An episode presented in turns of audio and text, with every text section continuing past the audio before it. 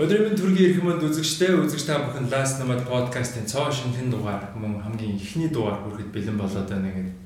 Өнөөдрийн дугаарт Монголын номер 1 спортын сэтгүүлчдийн нэг, Монголын хамгийн шилдэг саксмон бүү тайлбарлагчдын нэг өнөө хүндэлж явдаг нэг ах ялдах маань хүрэлцэн ирсэн маа гэх. Өдрийн мэнд.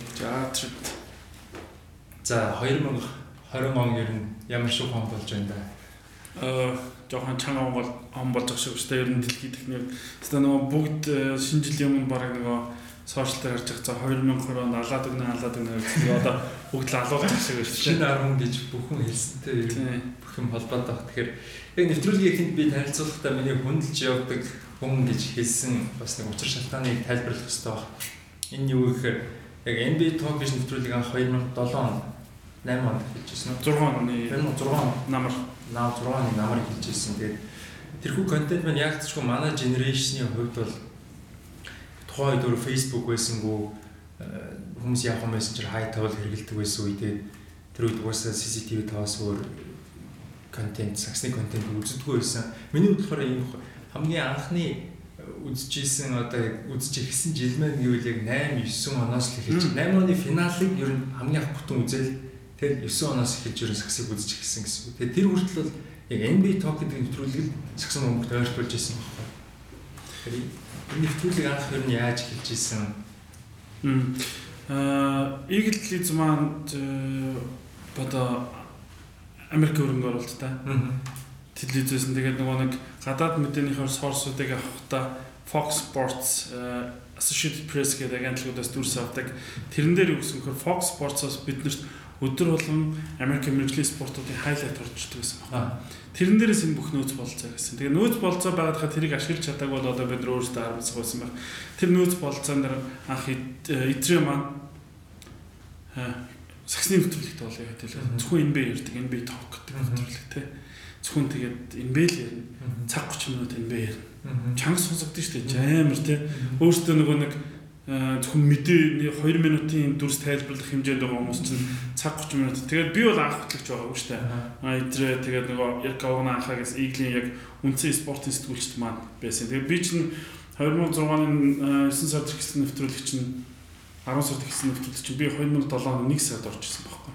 12 сард төлөө 1 сард орж ирсэн. Тэгээд тэр цагаас хойш одоо ингээд 13 дахь үлрэлтэд хамт явж байгаа гэх юм уу? Ямар ч байсан э, бид нэр чигчээсэн тэгээ өөрсөндөө ч шаардлагатай байсан цаг үеэ дагаад хөгжих ёстой гэдэг зарчмаач баримтлсан. Одоо хэрвээ үзэх юм чимж байгаа хта анхны NB Talk 2008 оны NB Talk одоогийн NB Talk бол газар тэнэг шиг зөрүүтэй байгаа хта. Мэдээж яг одоо үзүүл тийм байгаа. Гэхдээ э, яг тухайн үедээ бол их цорын ганцсан байсан учраас яг л гарч ирвэл шууд бүх бүх хийж байгаа ажлаа зогсоогоод үздэг байсан. Яг тэрнээс анх бүх зүйлийг таньж мэдэж эхэлж ийсэн. Тэгэхээр ямар ч тэр нэвтрүүлгийг эхлүүлж хийсэнд баярлалаа. Баярлалаа. Тэгэд 2020 оны тухай танаас асуусан нь ялтахад бас Lakers-ийн фэн байгаа бас Kobe Bryant-тай уулзж байсан хүн байгаа. Тэгээд ер нь 2020 оны үед коронавирус, Kobe Bryant хоёрын ер нь аль нь илүү таны хувьд илүү хүнд цохилт болж байна илүү? Коронавирус Kobe Bryant аль аль нь хүндэр гэхдээ Kobe Bryant-ийн тэр орон зай бидний генерашныханд те. 2000 онд сакс үзэж үзэж эхэлж исэн үеийнхэн те. 98 он сакс үзэж эхэлж исэн үеийнхний хувьд бол Kobe Bryant нөгөө үлгэрч баатсан баггүй үлгэрч авдаг бид нар одоо чинь ингээл за нэг энэ жүжигчин шиг болчих юмсан Leonardo DiCaprio шиг болчих юм шиг Ronaldo шиг болчих юмсан гэд боддог бол саксын бөмбөгийн генерашных нь болохоор Kobe шиг болчих юмсан гэдгээс үе нөхгүй. Гэхдээ мэдээж аав ирсэн байна. Хажуугаар Vince Carter гэдэг өөр олон байгаа ч гэсэн нийт масс нь Kobe Bryant-д ер нь бол Kobe-тэй холбоогүй хүн байдгүй. Мэддгүү хүмүүс л холбоогүй. Kobe-г мэддэг хүн бол нэг бол үзий ядагч, нэг бол Kobe таартай л. Тэрнээс Kobe-г мэдэн гэхдээ нэг дэмждэггүй гэдэг хүн байдгүй дэмждэг эсвэл үзий яддаг. Тэгэд яалтчгүй амар хүн цохилт болсон. Яг Kobe Bryant-ыг бас мэдгүй байгаа хүмүүс Jordan-ы яг нөгөө speech маш том хувь нэмэр бас би Jordan-ы speech-д айгу баярлсан л да. Яг тэр Jordan ерөөсөж Коби ингэж тогтдог ингэж шийддэг ийм ийм ийм амжилт үзүүлсэн сагсчин гэж хэлээ ерөөсөө тэр хүний тэр хүн өөрөө ямар хүн байсан ер нь Кобиг дурсаж хэлсэн хүн болгонд яг Кобигийн хувь хүн дээр л бүхэн яриад байсан одоо бүр улам илүү ингээл бахархсан тэр хүний шүтсэндээ бүр улам харамсахгүй болсон ч юм уу Монголоор хэлэхэд үхэл нүртэл бусдаас онцгой хэвээр. Зүгээр цаг бус мэдээж харамсаас гэхдээ үхэл нүртэл бусдаас онцгой. Харамсалтай нөхөн нэрсэн. Аа тэгээд Майкл Жордан хизээч нөгөө нэг олон нийтийн өмнө тийм ингээд сэтгэлээ уудалдаг хүн биш шүү дээ. Зүгээр ингээд нэг тийм символичны ярьдаг те. Бэлгэдэнд учраас ингээд нөгөө алдаа гаргаад байх хүсдэггүй. Тэгээд нэг удаа уйлцсан тэр нь ингээд 10 жил меме бол ашигладаг явцсан учраас а сая бол Коби Брайант тийм тэр нөгөө дурсах хүндэтгэх ёслол дээр бол яг Jordan сэтгэлээсээ эхнэрт нь хүндэтгэл үзүүлээд өөртөө ямар ойрхон байсан тухай хаа тэгэхэд бид нар анхудаа аа MJ Kobe ч ийм ойр байсан юм байна ийм ярилцдаг ах トゥ ус шиг байсан юм байна гэдгийг мэдлээ шүү дээ тэгээд одоо одоо бас яг энэ цагийн last dance гарч байгаа. Тэгээд last dance-аар бид нар бас Michael Jordan гэдэг хүний төлөө бүр илүү мэдэх гэж байна шүү дээ. Яг бас тэгж бодоагүй юм байлаа. Яг хүн чинь генерашнл хамгаалт юм шиг байна. Жишээлбэл last dance хоёр ихний ингэ үзэхэд ерөөсөө өмнө мэдээж 84 оны драфт хүн 60 донд турсан байж таарна. Гэхдээ 60 он өөрөө ямар өндөр рейсизмын үе байлаа. Арсангаар ялгуурсан тэр үед хүүхэд нас нь өсөж төрнсөн гэж бодохоор бас Майкл Жордан уруулах гэдэг байхгүй тэр бүх цагийн хамгийн агуу гэдэг бодлыг маань тэгээд ер нь бас нэвтрүүлгийн маань үзэж байгаа хүмүүс одоо мэдээж Америкийн сакс бөмбөг, Америкийн релиз болтыг сонирхдаг хүмүүс маань бодож иж магадгүй л дээ. Гэхдээ яалтчгүй энэ одоо яг оны өмнө Дэвид Стөрний бүхэл байсан. Дэвид Стөрн ч гэсэн яг энэ бүхнийг өнөөдрийн түвшинд авчирсан хүн ямар сайхан бэ бас байж ах хэвээр хүн байсан. Тэгэхэд ингээд би зүгээр яг нэг пост бичих гэж байгаа тусдагсан байхгүй Facebook дээр. Яг Дэвид Стөрний хүрснийхэн дараа яг Монголын одоо ямар нэгэн спортын холбоог ингээд Дэвид Стөрн шиг ингээд хөгжүүлээд явчих хин нэгэн гарч ирэхгүй юм бахта би ягаад энэ хаавас Америкт байгаа нэг цагаан өвгний төлөө ингээд хоолой сангираад байж байгаа юм бэ? Яг энэ шиг ингээд өөрөөрөө энэ ажлаа ингээд бахархуулаад дараа нь олон жилийн дараа дурсагдах юм гайхалтай энэ тэр одууд тэр go-to-ийг бүтээсэн тэр лигийг тэр спортын холбоог нэг нь бий болгоосоо гэж э санал байна. Яг энэ яриаг өчтөр хоёлоо нэвтрүүлгээ өчтөрөөс би нөгөө чөлөө авсан шүү дээ нэг өдрөө тийм. Яг энэ яриаг өчтөрөөс би өчтөр нөгөө саксныхантай за тэгээд нөгөө Сэгүрлэг шүмөнхөр гэлч нөр Лекерсын фэн байхгүй. Би тэр хаяа уулз Лекерс ярьдаг байхгүй. Тэгээ яг Лекерс ярьж байгаа Дэвид Стёрн л ярьсан. Тэгсэн Дэвид Стёрн бол дэлхийн саксын бөмбөгийн түүхэнд биш дэлхийн спортын түүхэнд дэх номер 1 менежер байхгүй. Дэвид Стёрн саксын бөмбөгч биш. Дэвид Стёрн саксын бөмбөг тоглож байсан бүгч мэдэггүй. Гэхдээ Дэвид Стёрн ямар бөмбөгөр номер 1 менежер. Тэгэхээр эндээс юу харагдаж байна гэхээр спортыг спортын өнө өдөртөх хэрэгтэй тэр философи байх юм л гэж спортын холбоо спортын лигийг ямар хүн авч явах вэ гэхээр цэвэр менежер хүн авч явж байна. А менежер хүн яаж өдөртөл амжилтанд хүрч тэр бомын тэр бомын орлоготой лиг болгож чадах вэ гэдэг Стерний 30 жилийн жишээ бодоор харж байна. Тэгээд нөгөө Стерний бас нөгөө тэр нөгөө салах гүйцэтгэгчдэр чинь бүх дамгууд л хэлж байлаа шүү дээ. Биднийг од болгосон, энэ лигийг од болгосон ерөөсөө Давид Стерний бодлогын үрд. Тэгэхээр яа харахгүй дэлхийн байсан. Ер нь Монголын ер нь хамгийн их олон массыг хамардаг спорт бол мэдээж Монгол бүх баг. би боддیں۔ Тэгээд яг ингээд манай үеийнхэн за тэр тусмаа манахаас доош үеийнхэн бол бүр ингээд бүхэд дургу байхгүй. Би нөгөө нэг нэг удаа бүхийн гал дээр очиод нөгөө нэг сургууль бэлтгэр очиж исэн.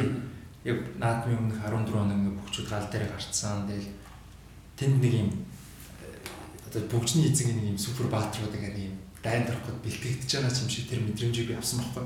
Тэгээ тэр үед болохоор тэд нэр ерөөс хүчний бэлтгэл хийхгүй болсон. Зөвхөн өндөр цолтой бүгчүүдээсээ мих сураал, мих сураал. Тэгээ байж хата намайг хэлчихсэн байхгүй.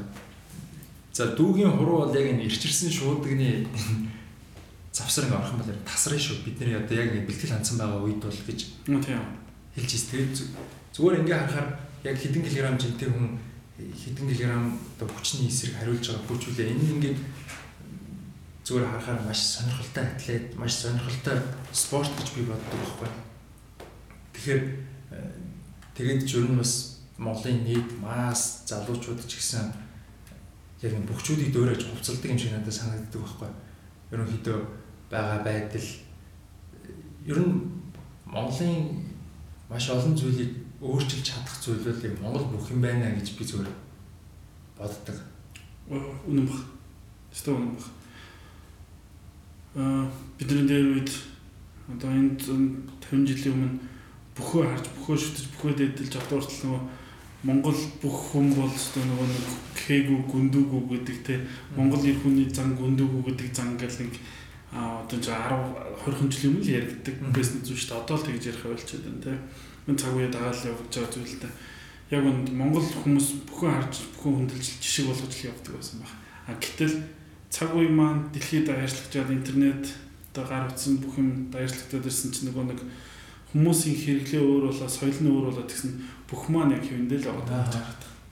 Энэ дээр бол ялгаа бүх маань дагаад соёлоо дагаад хөгж явах хэрэгтэй бүх маань 30 жилийн өмнө үзчихсэн миний бүх яг байна. Гэтэл 30 жилийн өмнөх ялалт 30 жилийн өмнөх байдаг 10 жилийн өмнөх ялалтын үзэл бодол шал өөр шүү дээ. Шал өөр. Аа.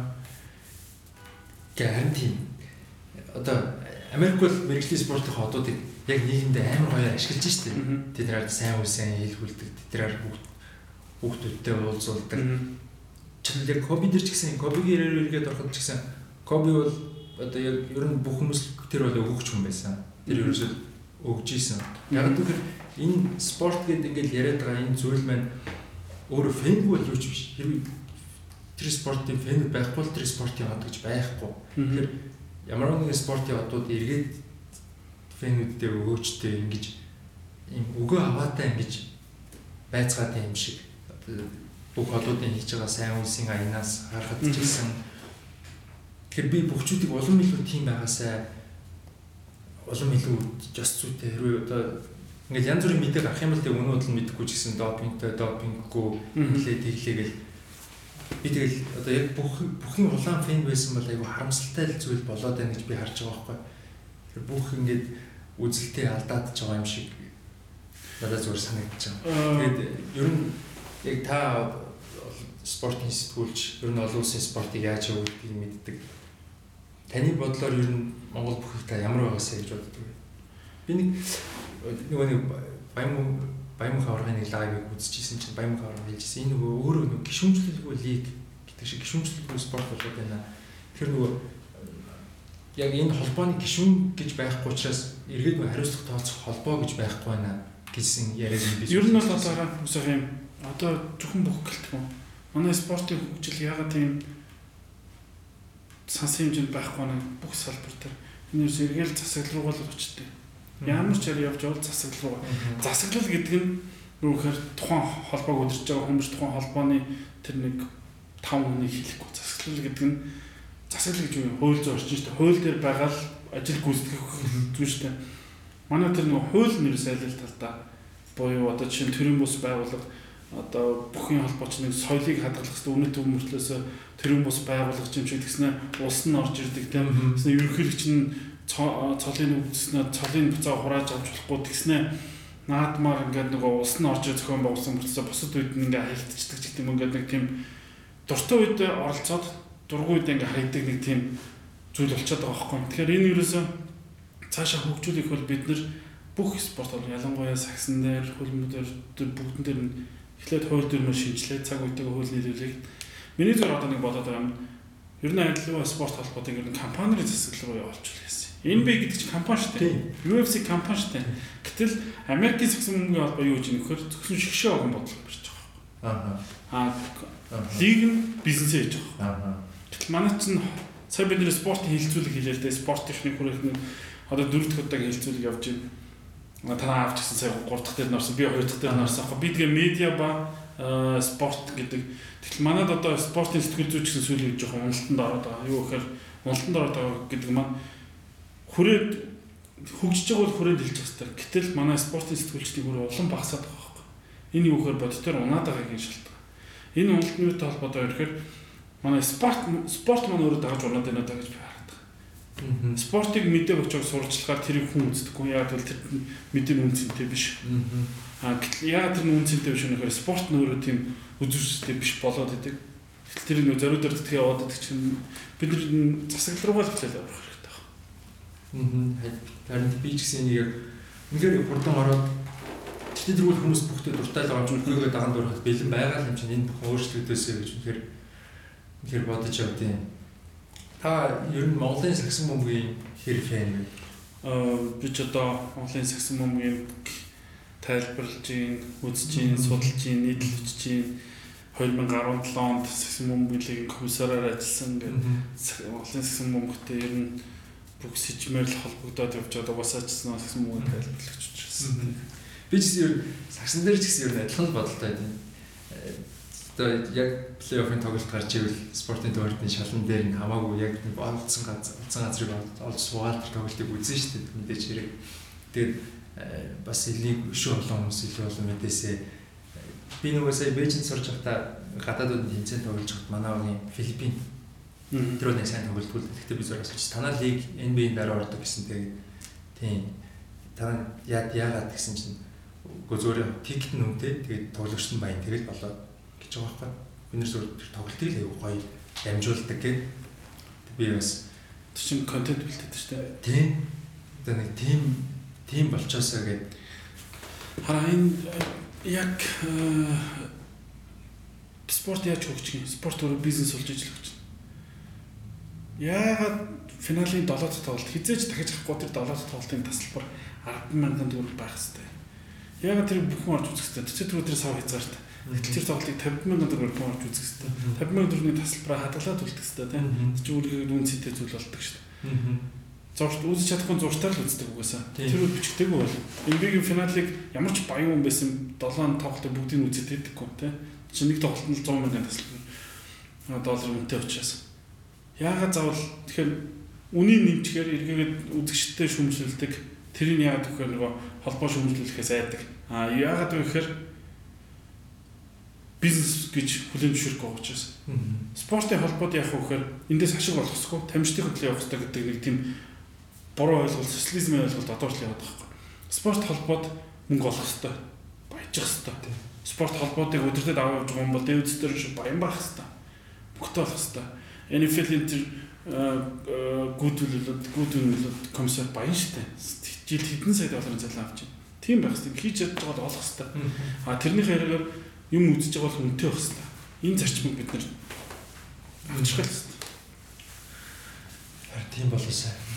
Болоосай гэж үнэхээр үнэхээр бодд юм а. Та гэхдээ би бас таны нөгөө ингээд л та спортын бүх мэдээ мэдээллүүдийг хийж ин. Гэхдээ танаас яг нөгөө яг сакстай холбоотой хүний асууж байгаагүй байж магадгүй асуултуудыг бас асууна гэж бодсон байгаа. Тэгээд та яг Монголын лигийн бүх цаг үеийн шилдэг бүх цаг үед та шилдэг таван тоглогчийг та гарааны мөрөөдлийн тавыг бүрдүүлэвэл Мм. За нэг төв дээр шар авах юм гэсэн байх баг. За байж байгаа. Одгийн биш шар авах гэж юм. Тэ. Аа. Шар авах байна.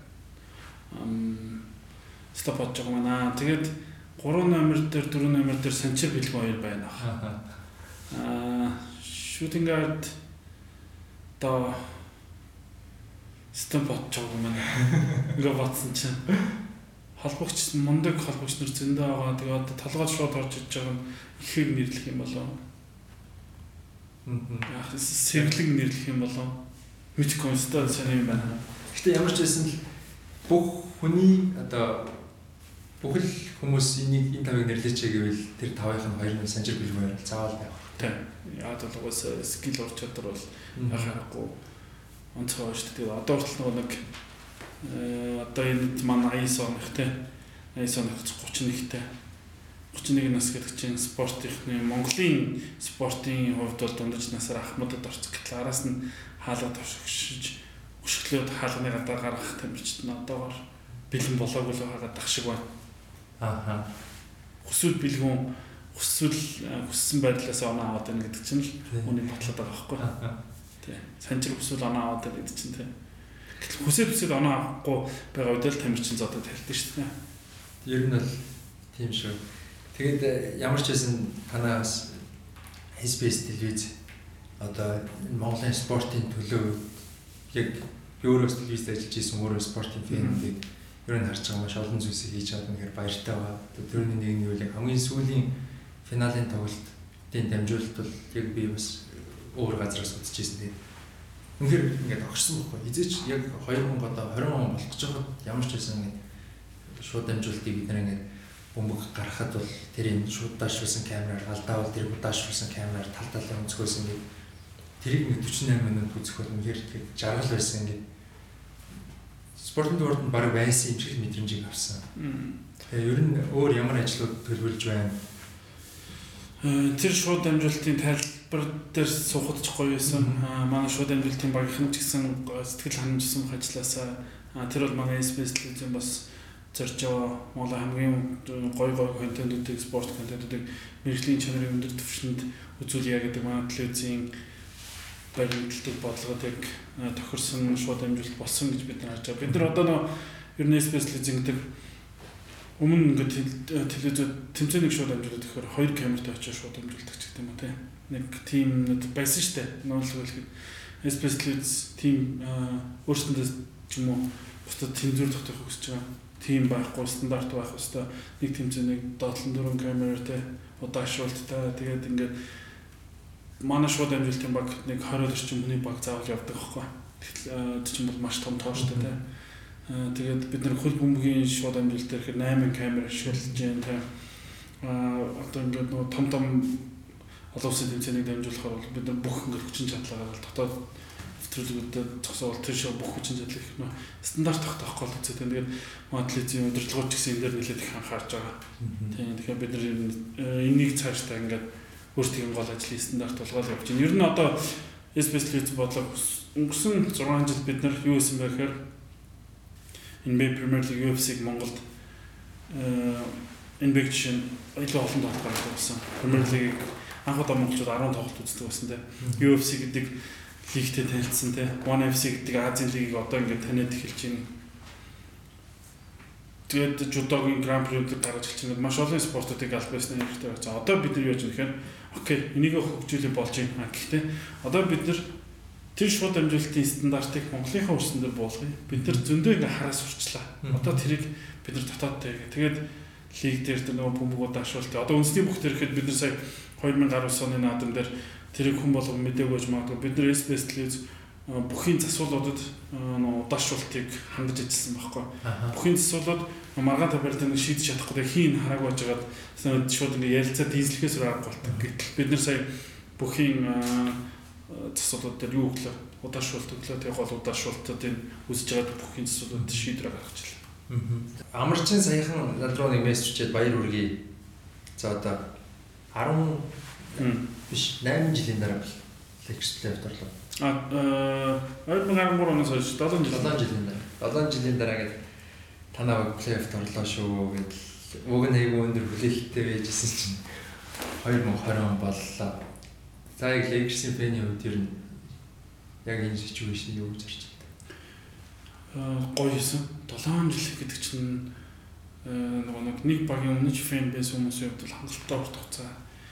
7 жилийн дараа плей-оффт орсон тэр их амар амттай байсан би бүр тэрээрээ хилжсэн их нэртэй би өнөөдөр энэ баяраа тэмдэг.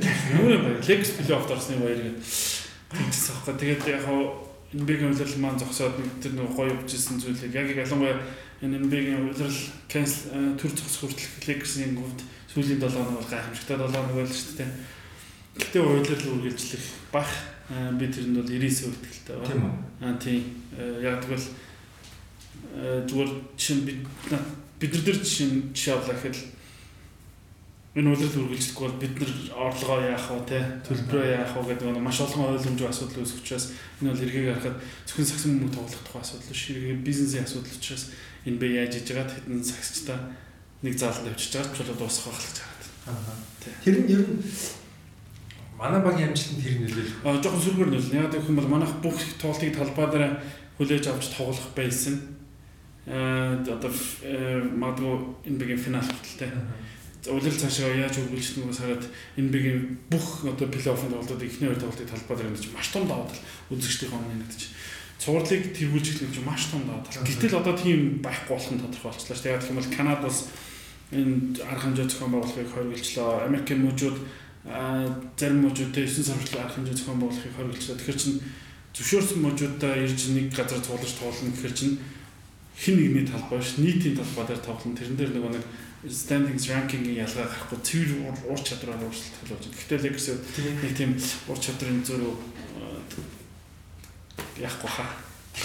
Тийм уг нь LeBron бас нэг өөрөө нэг хэлж ирсэн шүү дээ. Аа дэлхийд дээр бол бүхэн сакс тоглож чадна. Гэхдээ яг аль тайзан дээр вэ гэдэг нь л их чухал. Тийм. гэдэг шиг. Тэгэхээр уг нь нөгөө эсрэг багийн сандрал манай баг сандрахгүй байх байх гэдэг таван талууд гарах болоо гэж бодож ирсэн. Тэгээд Гэхдээ ямар ч байсан үргэлжлэхээр бол үргэлжлэх баг. Би тэрэнд ирээс үүдэлтэй. Үргэлжлүүл ер нь аль баг дээр ирээс үүдэлтэй. Харин хэцүү. Гэхдээ би Lakers-ыг ер нь бол төрүүлнэ гэж найдаж байгаа. Аа Clippers хэцүү. Гэхдээ нөгөө нэг заалнаасаа бас их хамаарах байсан. Яг Lakers-ийн талбай дээр цуурлах эхлэл бас нэг өөр шүү дээ. А гэхдээ зүгээр багийн сагсан мөмгийг багийн сагсан мөмг гэдэг агуулгаар нарах юм бол Lakers илүү хувийн ур чадвараар гэх юм бол Clippers илүү. Аа Milwaukee Bucks сайн байгаа гэхдээ би Янасыг плей-оффт итгэхгүй. Нөгөө нэг өнгөрсөн жилийн Янасыг харж байгаа гэж бодод. Тэгэд хоёулаа бас яг өнгөрсөн жил нэг би танаас асууж байсан шүү дээ. Таны харж байгаагаар өнгөрсөн жил хэрвээ Lonzo LeBron хоёрын бэртэлгүйгээр тэр үйлрэл дууссан бол яг Ingram-тай Kuzma-тай тэр үйлрэл дууссан бол та тэр үйлрэлийг юу ямар яг юм 8-аар нэг плей-оффд орж чадах үгүй юу? Аа үгүй л үгүй бах. Яг гэх юм бол ер нь бол тэр баг бол бас болохгүй байсан. Хамгаалт. Ямар ч хамгаалт. Тий, LeBron-ы бүр ранк чинь хамгаалтын defensive rating чинь бүр тэр 500 400 дээр явж ирсэн шүү дээ. Тэгэхээр тэр чинь бас асуудал байсан юм л байхгүй. Одоо энэ үйл яаж гэвэл LeBron өөрөө үйл эхэлж явах тэлжсэн шүү гэж намайг өнгөрсөн жилүүдэд хамгаалдаггүйгээд дээрээс сонсцсон баха. Би энэ жил шал өөр өөртөө миний хөдөлмөрийг үнэлэлтэй гэж шүүгч хэлсэн чинь шүүгч би эзэж тийм ярьж байгаа шүү. Браун бити надад тийм яриа гэдэг тэгсэн баха. Хэд чинь өөр байх гэдэг юм хэлэл болоо гэж хараад байна. Тэгэд э, энэ оны хувьд бас Last Dance гараад эхний хоёр ангийн гараад ер нь нэлээд шуугаан тарж байна. Энийний талаар ер нь ямар бодолтой байна? Баримтат киног ингэж хийдэг юм байна гэдгийг харж байна. Нэгдүгээр нь үнэхээр гоё. А хоёрдугаар нь Майкл Джордан компьютер тоглоомд хүртэл өөрхөн дүрсийг оруулдаг байсан л тийм франчайз аахгүй өөрөө бүтээгдэхүүн байхгүй. А тэгээд эн чинь 2016 онд гар үсэг зурсан гэж байна. 98 онд камер дагуулж явахыг зөвшөөрсөн юм нэ. 2016 онд 18 жилийн дараа та за барилуд кино хийе гэж зөвшөөрсөн гэж байна. Тэгэхээр эн чинь тэр одоо энэ магадгүй бид нэг нөгөө Стефийн тухай Стеф ямар тоглож яадаг гэдэг бүгдийг мэдчихэж штэ. Гэтэл тэр чинь сошиал платформ байгаагүй те. Интернетийн хэрэглээ одоо гэж биш байсан. Юм тийм ил биш байсан баг. Тэр 98 оны үйл явдлыг бид нар 2020 онд авчраа задлж байгаа гэж гоё баг. Тэгээ гарын үсэг зурсан шалтгаан LeBron Cleveland давраг авчираад өөрийнх нь legacy-тэй тэцэдэрсэн тэнцэдэрсэн гэдэг юм уу өрсөлдөд ирсэн. Golden State Warriors баг 72-10-ыг гівдсэн. Тэр жил аахгүй. Kobe Bryant сүүлийн тоглолтод 60 он авсан. Авраг авахгүй хамгийн супер төгсгөлийг хийцэн. Тэгэхээр нөгөө хүн л юм чинь заавтай бацаануудад би өөр ямар өс үзүүлэх бол яг ингээд тэнцэд ирж шүү. Жажигнууд чинь гэж бодсон юм шүү. 2016 онд зурсан гэж очтой байхгүй. Тэгээд Cleveland Cavaliers-ийн баярын парад болж байсан өдөр зурчихсан гэж. Хөө. Тийм. Тэгэхээр чи очиртай. Тэр бол тэгэхээр галзуугийн галзуу илрэл байсан тийм. Амар илрэл байсан. 7 тоглолт тэгээд 3-1-ээс Lakers-ийн Lakers-ийн сүүлийн тоглолтын дээр бол би нэг яг дөрөвдүгээр үед Facebook тэнд 5 статус бичсэн гэдэг. Ер нь хизээч тэр сэтгэл хөдлөж байгаагүй. Гойсон тий. Аврага аваа хамгийн супер төгсгөл. Тий. Өөр яах вэ тий 60. Аа. Таны хувьд бас нэг бас нэг ийм асуулт одоо ингээд өнгөрсөн ч бай, өнгөрөөгүй ч бай, дэлхий дээр байсан ч бай, байхгүй ч хүмүүс. Та одоо байхгүй хүмүүсийг ш оруулж болно. Таны нэг гурван хүнтэй хоол идэх боломж гарвал та энэ хямуур таалдаг. Хм. Автагаа олдох баг. Өөр Коби таалагдах юм уу? За тэгээ өөрч одоо гайг баха. Өөр нэг хүн байгаа шүү дээ. Гайг өгч. Гайг баха. Автар коби таавал. Тэ. Яг хоо тэгээд бас өөртөө ойрт авах тагаа ч юм те. Байхгүй болцсон л хүмүүс байна. Бусад хүмүүстэй нь бол би өсөөл уцаар ярина, өсөөл очоод хамт хоол идээд цаахан нэг цаг юм ярьчаад ингээд те жил уулзахгүйсэн ч болно шүү дээ. Би одоо нэг баг ханастай тэгж өөр өөр уулзаад үзсэн нэг цагаан сараар ч юм уу эсвэл нэг хаяа нэг намарлаад за нэг танахаар нэг очихудаа хоол идээд ярилцаа суухудаа тэгээд суудахгүй. Тэгэхэд чинь тэгээд нэг багаас те төр тодор ингээс өөр гисэн болохоор ч нөгөө хэрэгүү сэтгэл дээр найзалсан найзууд болохоор ч би бид нэг ойлгодог. Жилдээ нэг уулзсан уулзж байгаа. Манай найз сүлээд гомдлоод байгаа болохоос биш. Би бол одоо тэгэл болчоод байхгүй тэрэндээ очоод цаг юм яриа суучих бол. Тэ. Нөгөө хүмүүс шиг хоол идээд 100 сая төгрөг зөвлөх гэсэн хоол идээд 100 нэрийг авч чаддаг байхгүй. Юу телевизэд ажилладаг хахад бас нөгөө телевизүүдийн янз бүрийн хэрэг мэдээллийн байгууллагуудын сагсан тэмцээн болдог. Тэгээд танах бол Scorestud, SBS гэл янз бүрийн нэрнээс бол тэр танах дандаа аваргалдаг тий. Бид нар 2006 оноос эхлээд хамгийн их бидний оролцож байсан тэмцээн Миний хувьд анхны оролцож байсан. Одоо телевизийн нэрмжид тэмцээн байсан. Тэр тэмцээнд бид нар анх дөнгөж синийг телевизээс үүсгэн байгуулагдсан. Синийгийнхэн иглийнхэн бонорч. Тэр тэмцээнд анх төрүүлж эхэлсэн. Тэрнээс хойш ингээд бодсон чинь 2015 6 яг нэг 10 жилийн хугацаанд ер нь нэг оролцож байсан тэмцээнийхээ 80% төрүүлсэн байдаг шүү. Тэгэхээр чин одоо одоо гол гол дэстэй тийм үү. Тийм манай эдрээч одоо крем авдуулж аварч байсан юм уу? Ядаргаатай шүү. Тийм. Тэр яг ярьж байгаа яг ярьж байгаа юм л хийгээд байдаг тийм. Яг хөө тэр нэг гол нь бид нар чинь бас нэг сакс тайлбарлаа сакс хийж байгаа ус чинь нэг өөр ойлголцсон тийм. Нэг жоохон саксмгийн IQ арай нэг юу гадсан болоо илүү гадсан болоо. Одоо бол тийм ялгаа байхгүй шүү. Одоо бүгд сакс үзэж байгаа сакс яг ижилхэн л байхгүй. Ер нь жоохон тийм болцсон уу? Ер нь яг тань би бас ер нь асуух гэж бодсон. Одоо бол сагсан бөмбөг үзэгчдийн мэддэгдэх хүн ойлголт зарим тохиолдолд биднээс илүү өд. Тэр ирж байгаа шүүмжлүүд нь бодтой. Хуучин бол жоохон бодит биш те. Ингээд нэг тийм хийсвэр чиний талыг дэмжиж байж гэдэг юм нэг тийм утгагүй шүүмжлэл. Яг бол нэг тал нь сайн байхад би муу талыг магтаад яж чадахгүй дээ. Тийм муу талаас нь би муу багаас юу болж арах юм бэ? За энэ яг хөө гэхдээ нөгөө талд нэг сайн тулж байгаа юм да гэлтэй дээ. А гэтэл одоо чи энэ тал дээр жоох мэтрээд байна. Ингээд байна ингээд ингээд нөгөө энэ баг нэрээ ингэчлээ те. Яг чиний яриадсэн тэр үнцгэн дээр бол би эсрэг байр суурь тэр Wade тэнд зогсоод байсан учраас ийм асуудал гарсан байхгүй ч гэдэг юм нэг тийм арай нэг өөрөөр юмыг хардаг болсон нээлт мэдрэгддэг.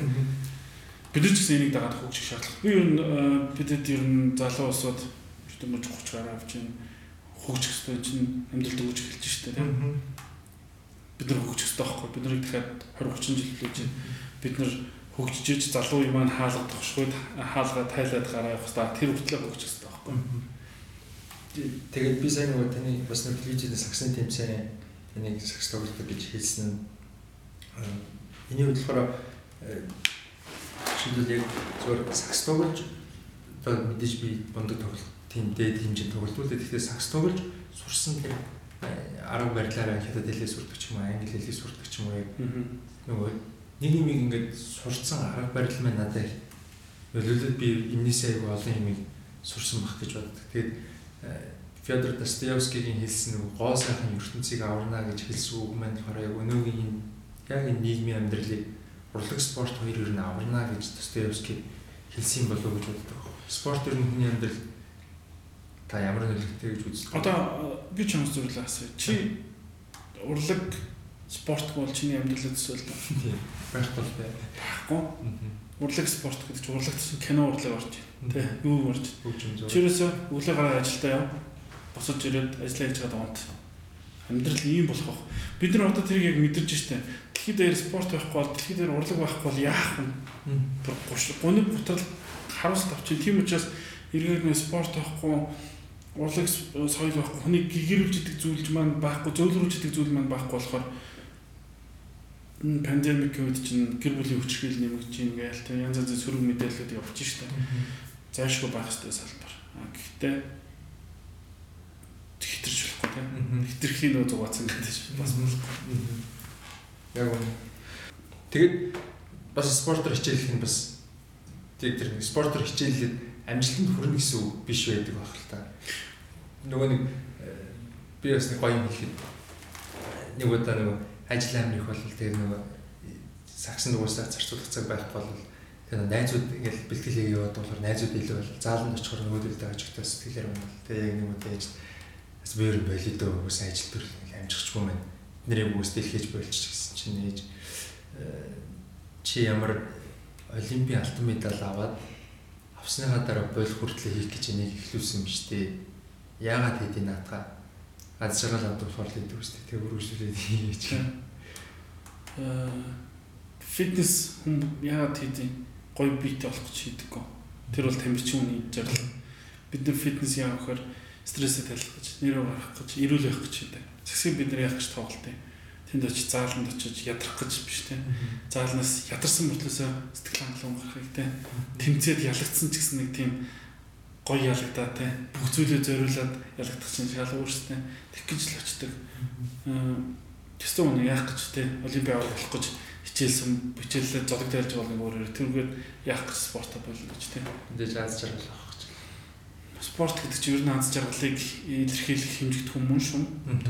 Спорт соёл Тэгээд э, манай би болохоор нэвтрүүлгээ өөрийнхөө подкаст last moment гэж нэрлсэн сүүлчийн нүүдэлчин гэдэг үг маань болохоор ер нь бид нар бол хаск 40 нэмэх 40 градуст бид нар байгаль бол биологийн шинжилгээ ухааны маш өндөр мэдлэгтэй байсан учраас бид нар яг энд survive хийж амьдарсаар ирсэн хүмүүс бид нар бол маш шинжилгээ ухаанч хүмүүс баг би ер нь өөрийгөө их тийм одоо Монгол хүний их өөр хүн гэж боддог байхгүй. Тэгээд сүүлчийн хөдөлчин гэдэг энэ нэрээр нэрсэн байна. Таны хувьд ер нь Монгол хүний тухай бодол аа надад нэвтрүүлгийн нэр чиг таалагдж байна. Гэх юм бол нүүдэлчин соёл энэ одоо бид нар нөгөө нүүдэлчин соёлоос суурин соёл руу шилжээл явж байгаа тийм. Тэгэхээр бид нарт одоо нүүдэлчин соёлын сөрөг талууд нь одоо оролцох байгаа даа давуу тал нь байгаа. Давуу талыг юун дээр харах вэ? Бид нар хаа очсон газар суусан газараас шороотгож амьдэрдэг ч гэдэг юм. Эсвэл нөгөө байж боломгүй нөхцлөөс амьдрах аргыг олдог байж боломгүй нөхцлөөс эрэг талыг орч чаддаг тийм нэг давуу тал. А нөгөө тал нь вөхөр нүгэл өвчдөг, хариуцлага болдог. Нүгэл өвчдөг. Энд гээд нэг хошоод нийлээд байх гэсэн чинь чиний замд хаалгахгүй бол би нүгэл өвчнө ямар ч хариуцлага болдог. Энэ нөгөө нэг одоо монголчуудын хамтарч чаддаггүй нүүдэлчин соёлын бас нөгөө дутагдaltaй тал нэг болоо гэж харагдаад. Аливаа зүйл хоёр талтай. Гэхдээ бид нар аль аль талыг нь харахыг хүсэж байна дандаа эерэг талыг нь харж ингээд муу талыг нь тооцоолохгүй явна гэсэн үг биш. Тэгэхээр ер нь бол э, бид нарт давуу тал байна. Манай соёл иргэншил давуу тал байна, сул тал байна. Гэхдээ бид нар хөгжөөл явж байгаа. Энэ суурин соёл чинь биднэрт ирээд 100 жилч болоогүй л шүү дээ. Бид нар чинь дөнгөж хөгжиж байгаа тийм. Бид нар энэ арчлыг авчиад бид нар 30 нас хүрч шүү дээ. 30 та залуу 35 та залуу, 25 та залуу, 20 та залуугийн бодлого чаалаагүй шүү дээ санал.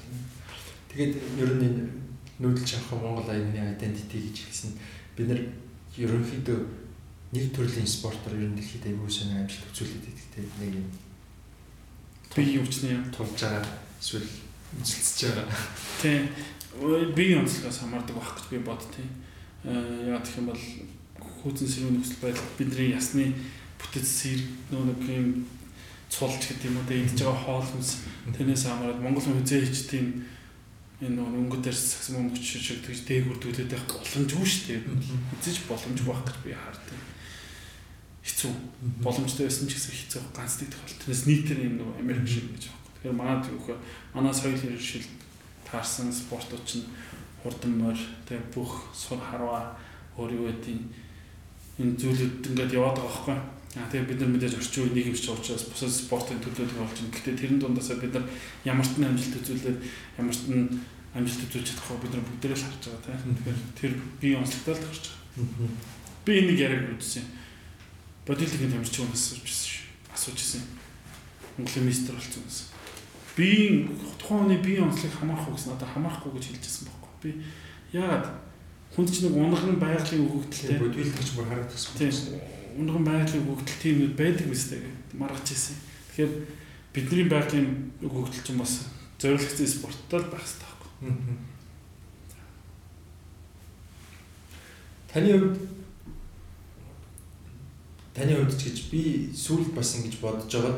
Ер нь ер нь энэ бол Майкл Жордан, Коби Брайант, Леброн Джеймс гурван маргаан нэг ингэж тасрахгүй байгаа учраас би таны подкаст дээр уурахтаа одоо манай нэсэр үзчихэл харин заавал таны юмдыг хэлнэ гэж бодсон. Гэхдээ энэ бол гэхдээ мэдээж харьцуулж болшгүй зүйл тийм ээ. Таны хэлээч. Тэр гурав хин нөлөө гэж байна. Тийм хэцүү юм да. Би гэхдээ миний хувьд бол Коби. Аа. Тэр нь бус түнтэй санал нийлэх албагүй. Аа. Би сая нэг э, мэтгэл цэнэр ч гэсэн орохдоо Майкл Жордан 2010 онд 15 онд тоглол яах байсан бэ гэдэг асуултыг бид нэр хайгаад байх хэрэггүй хариулт нь тэр өнтер Коби Брайант байхгүй. Аа.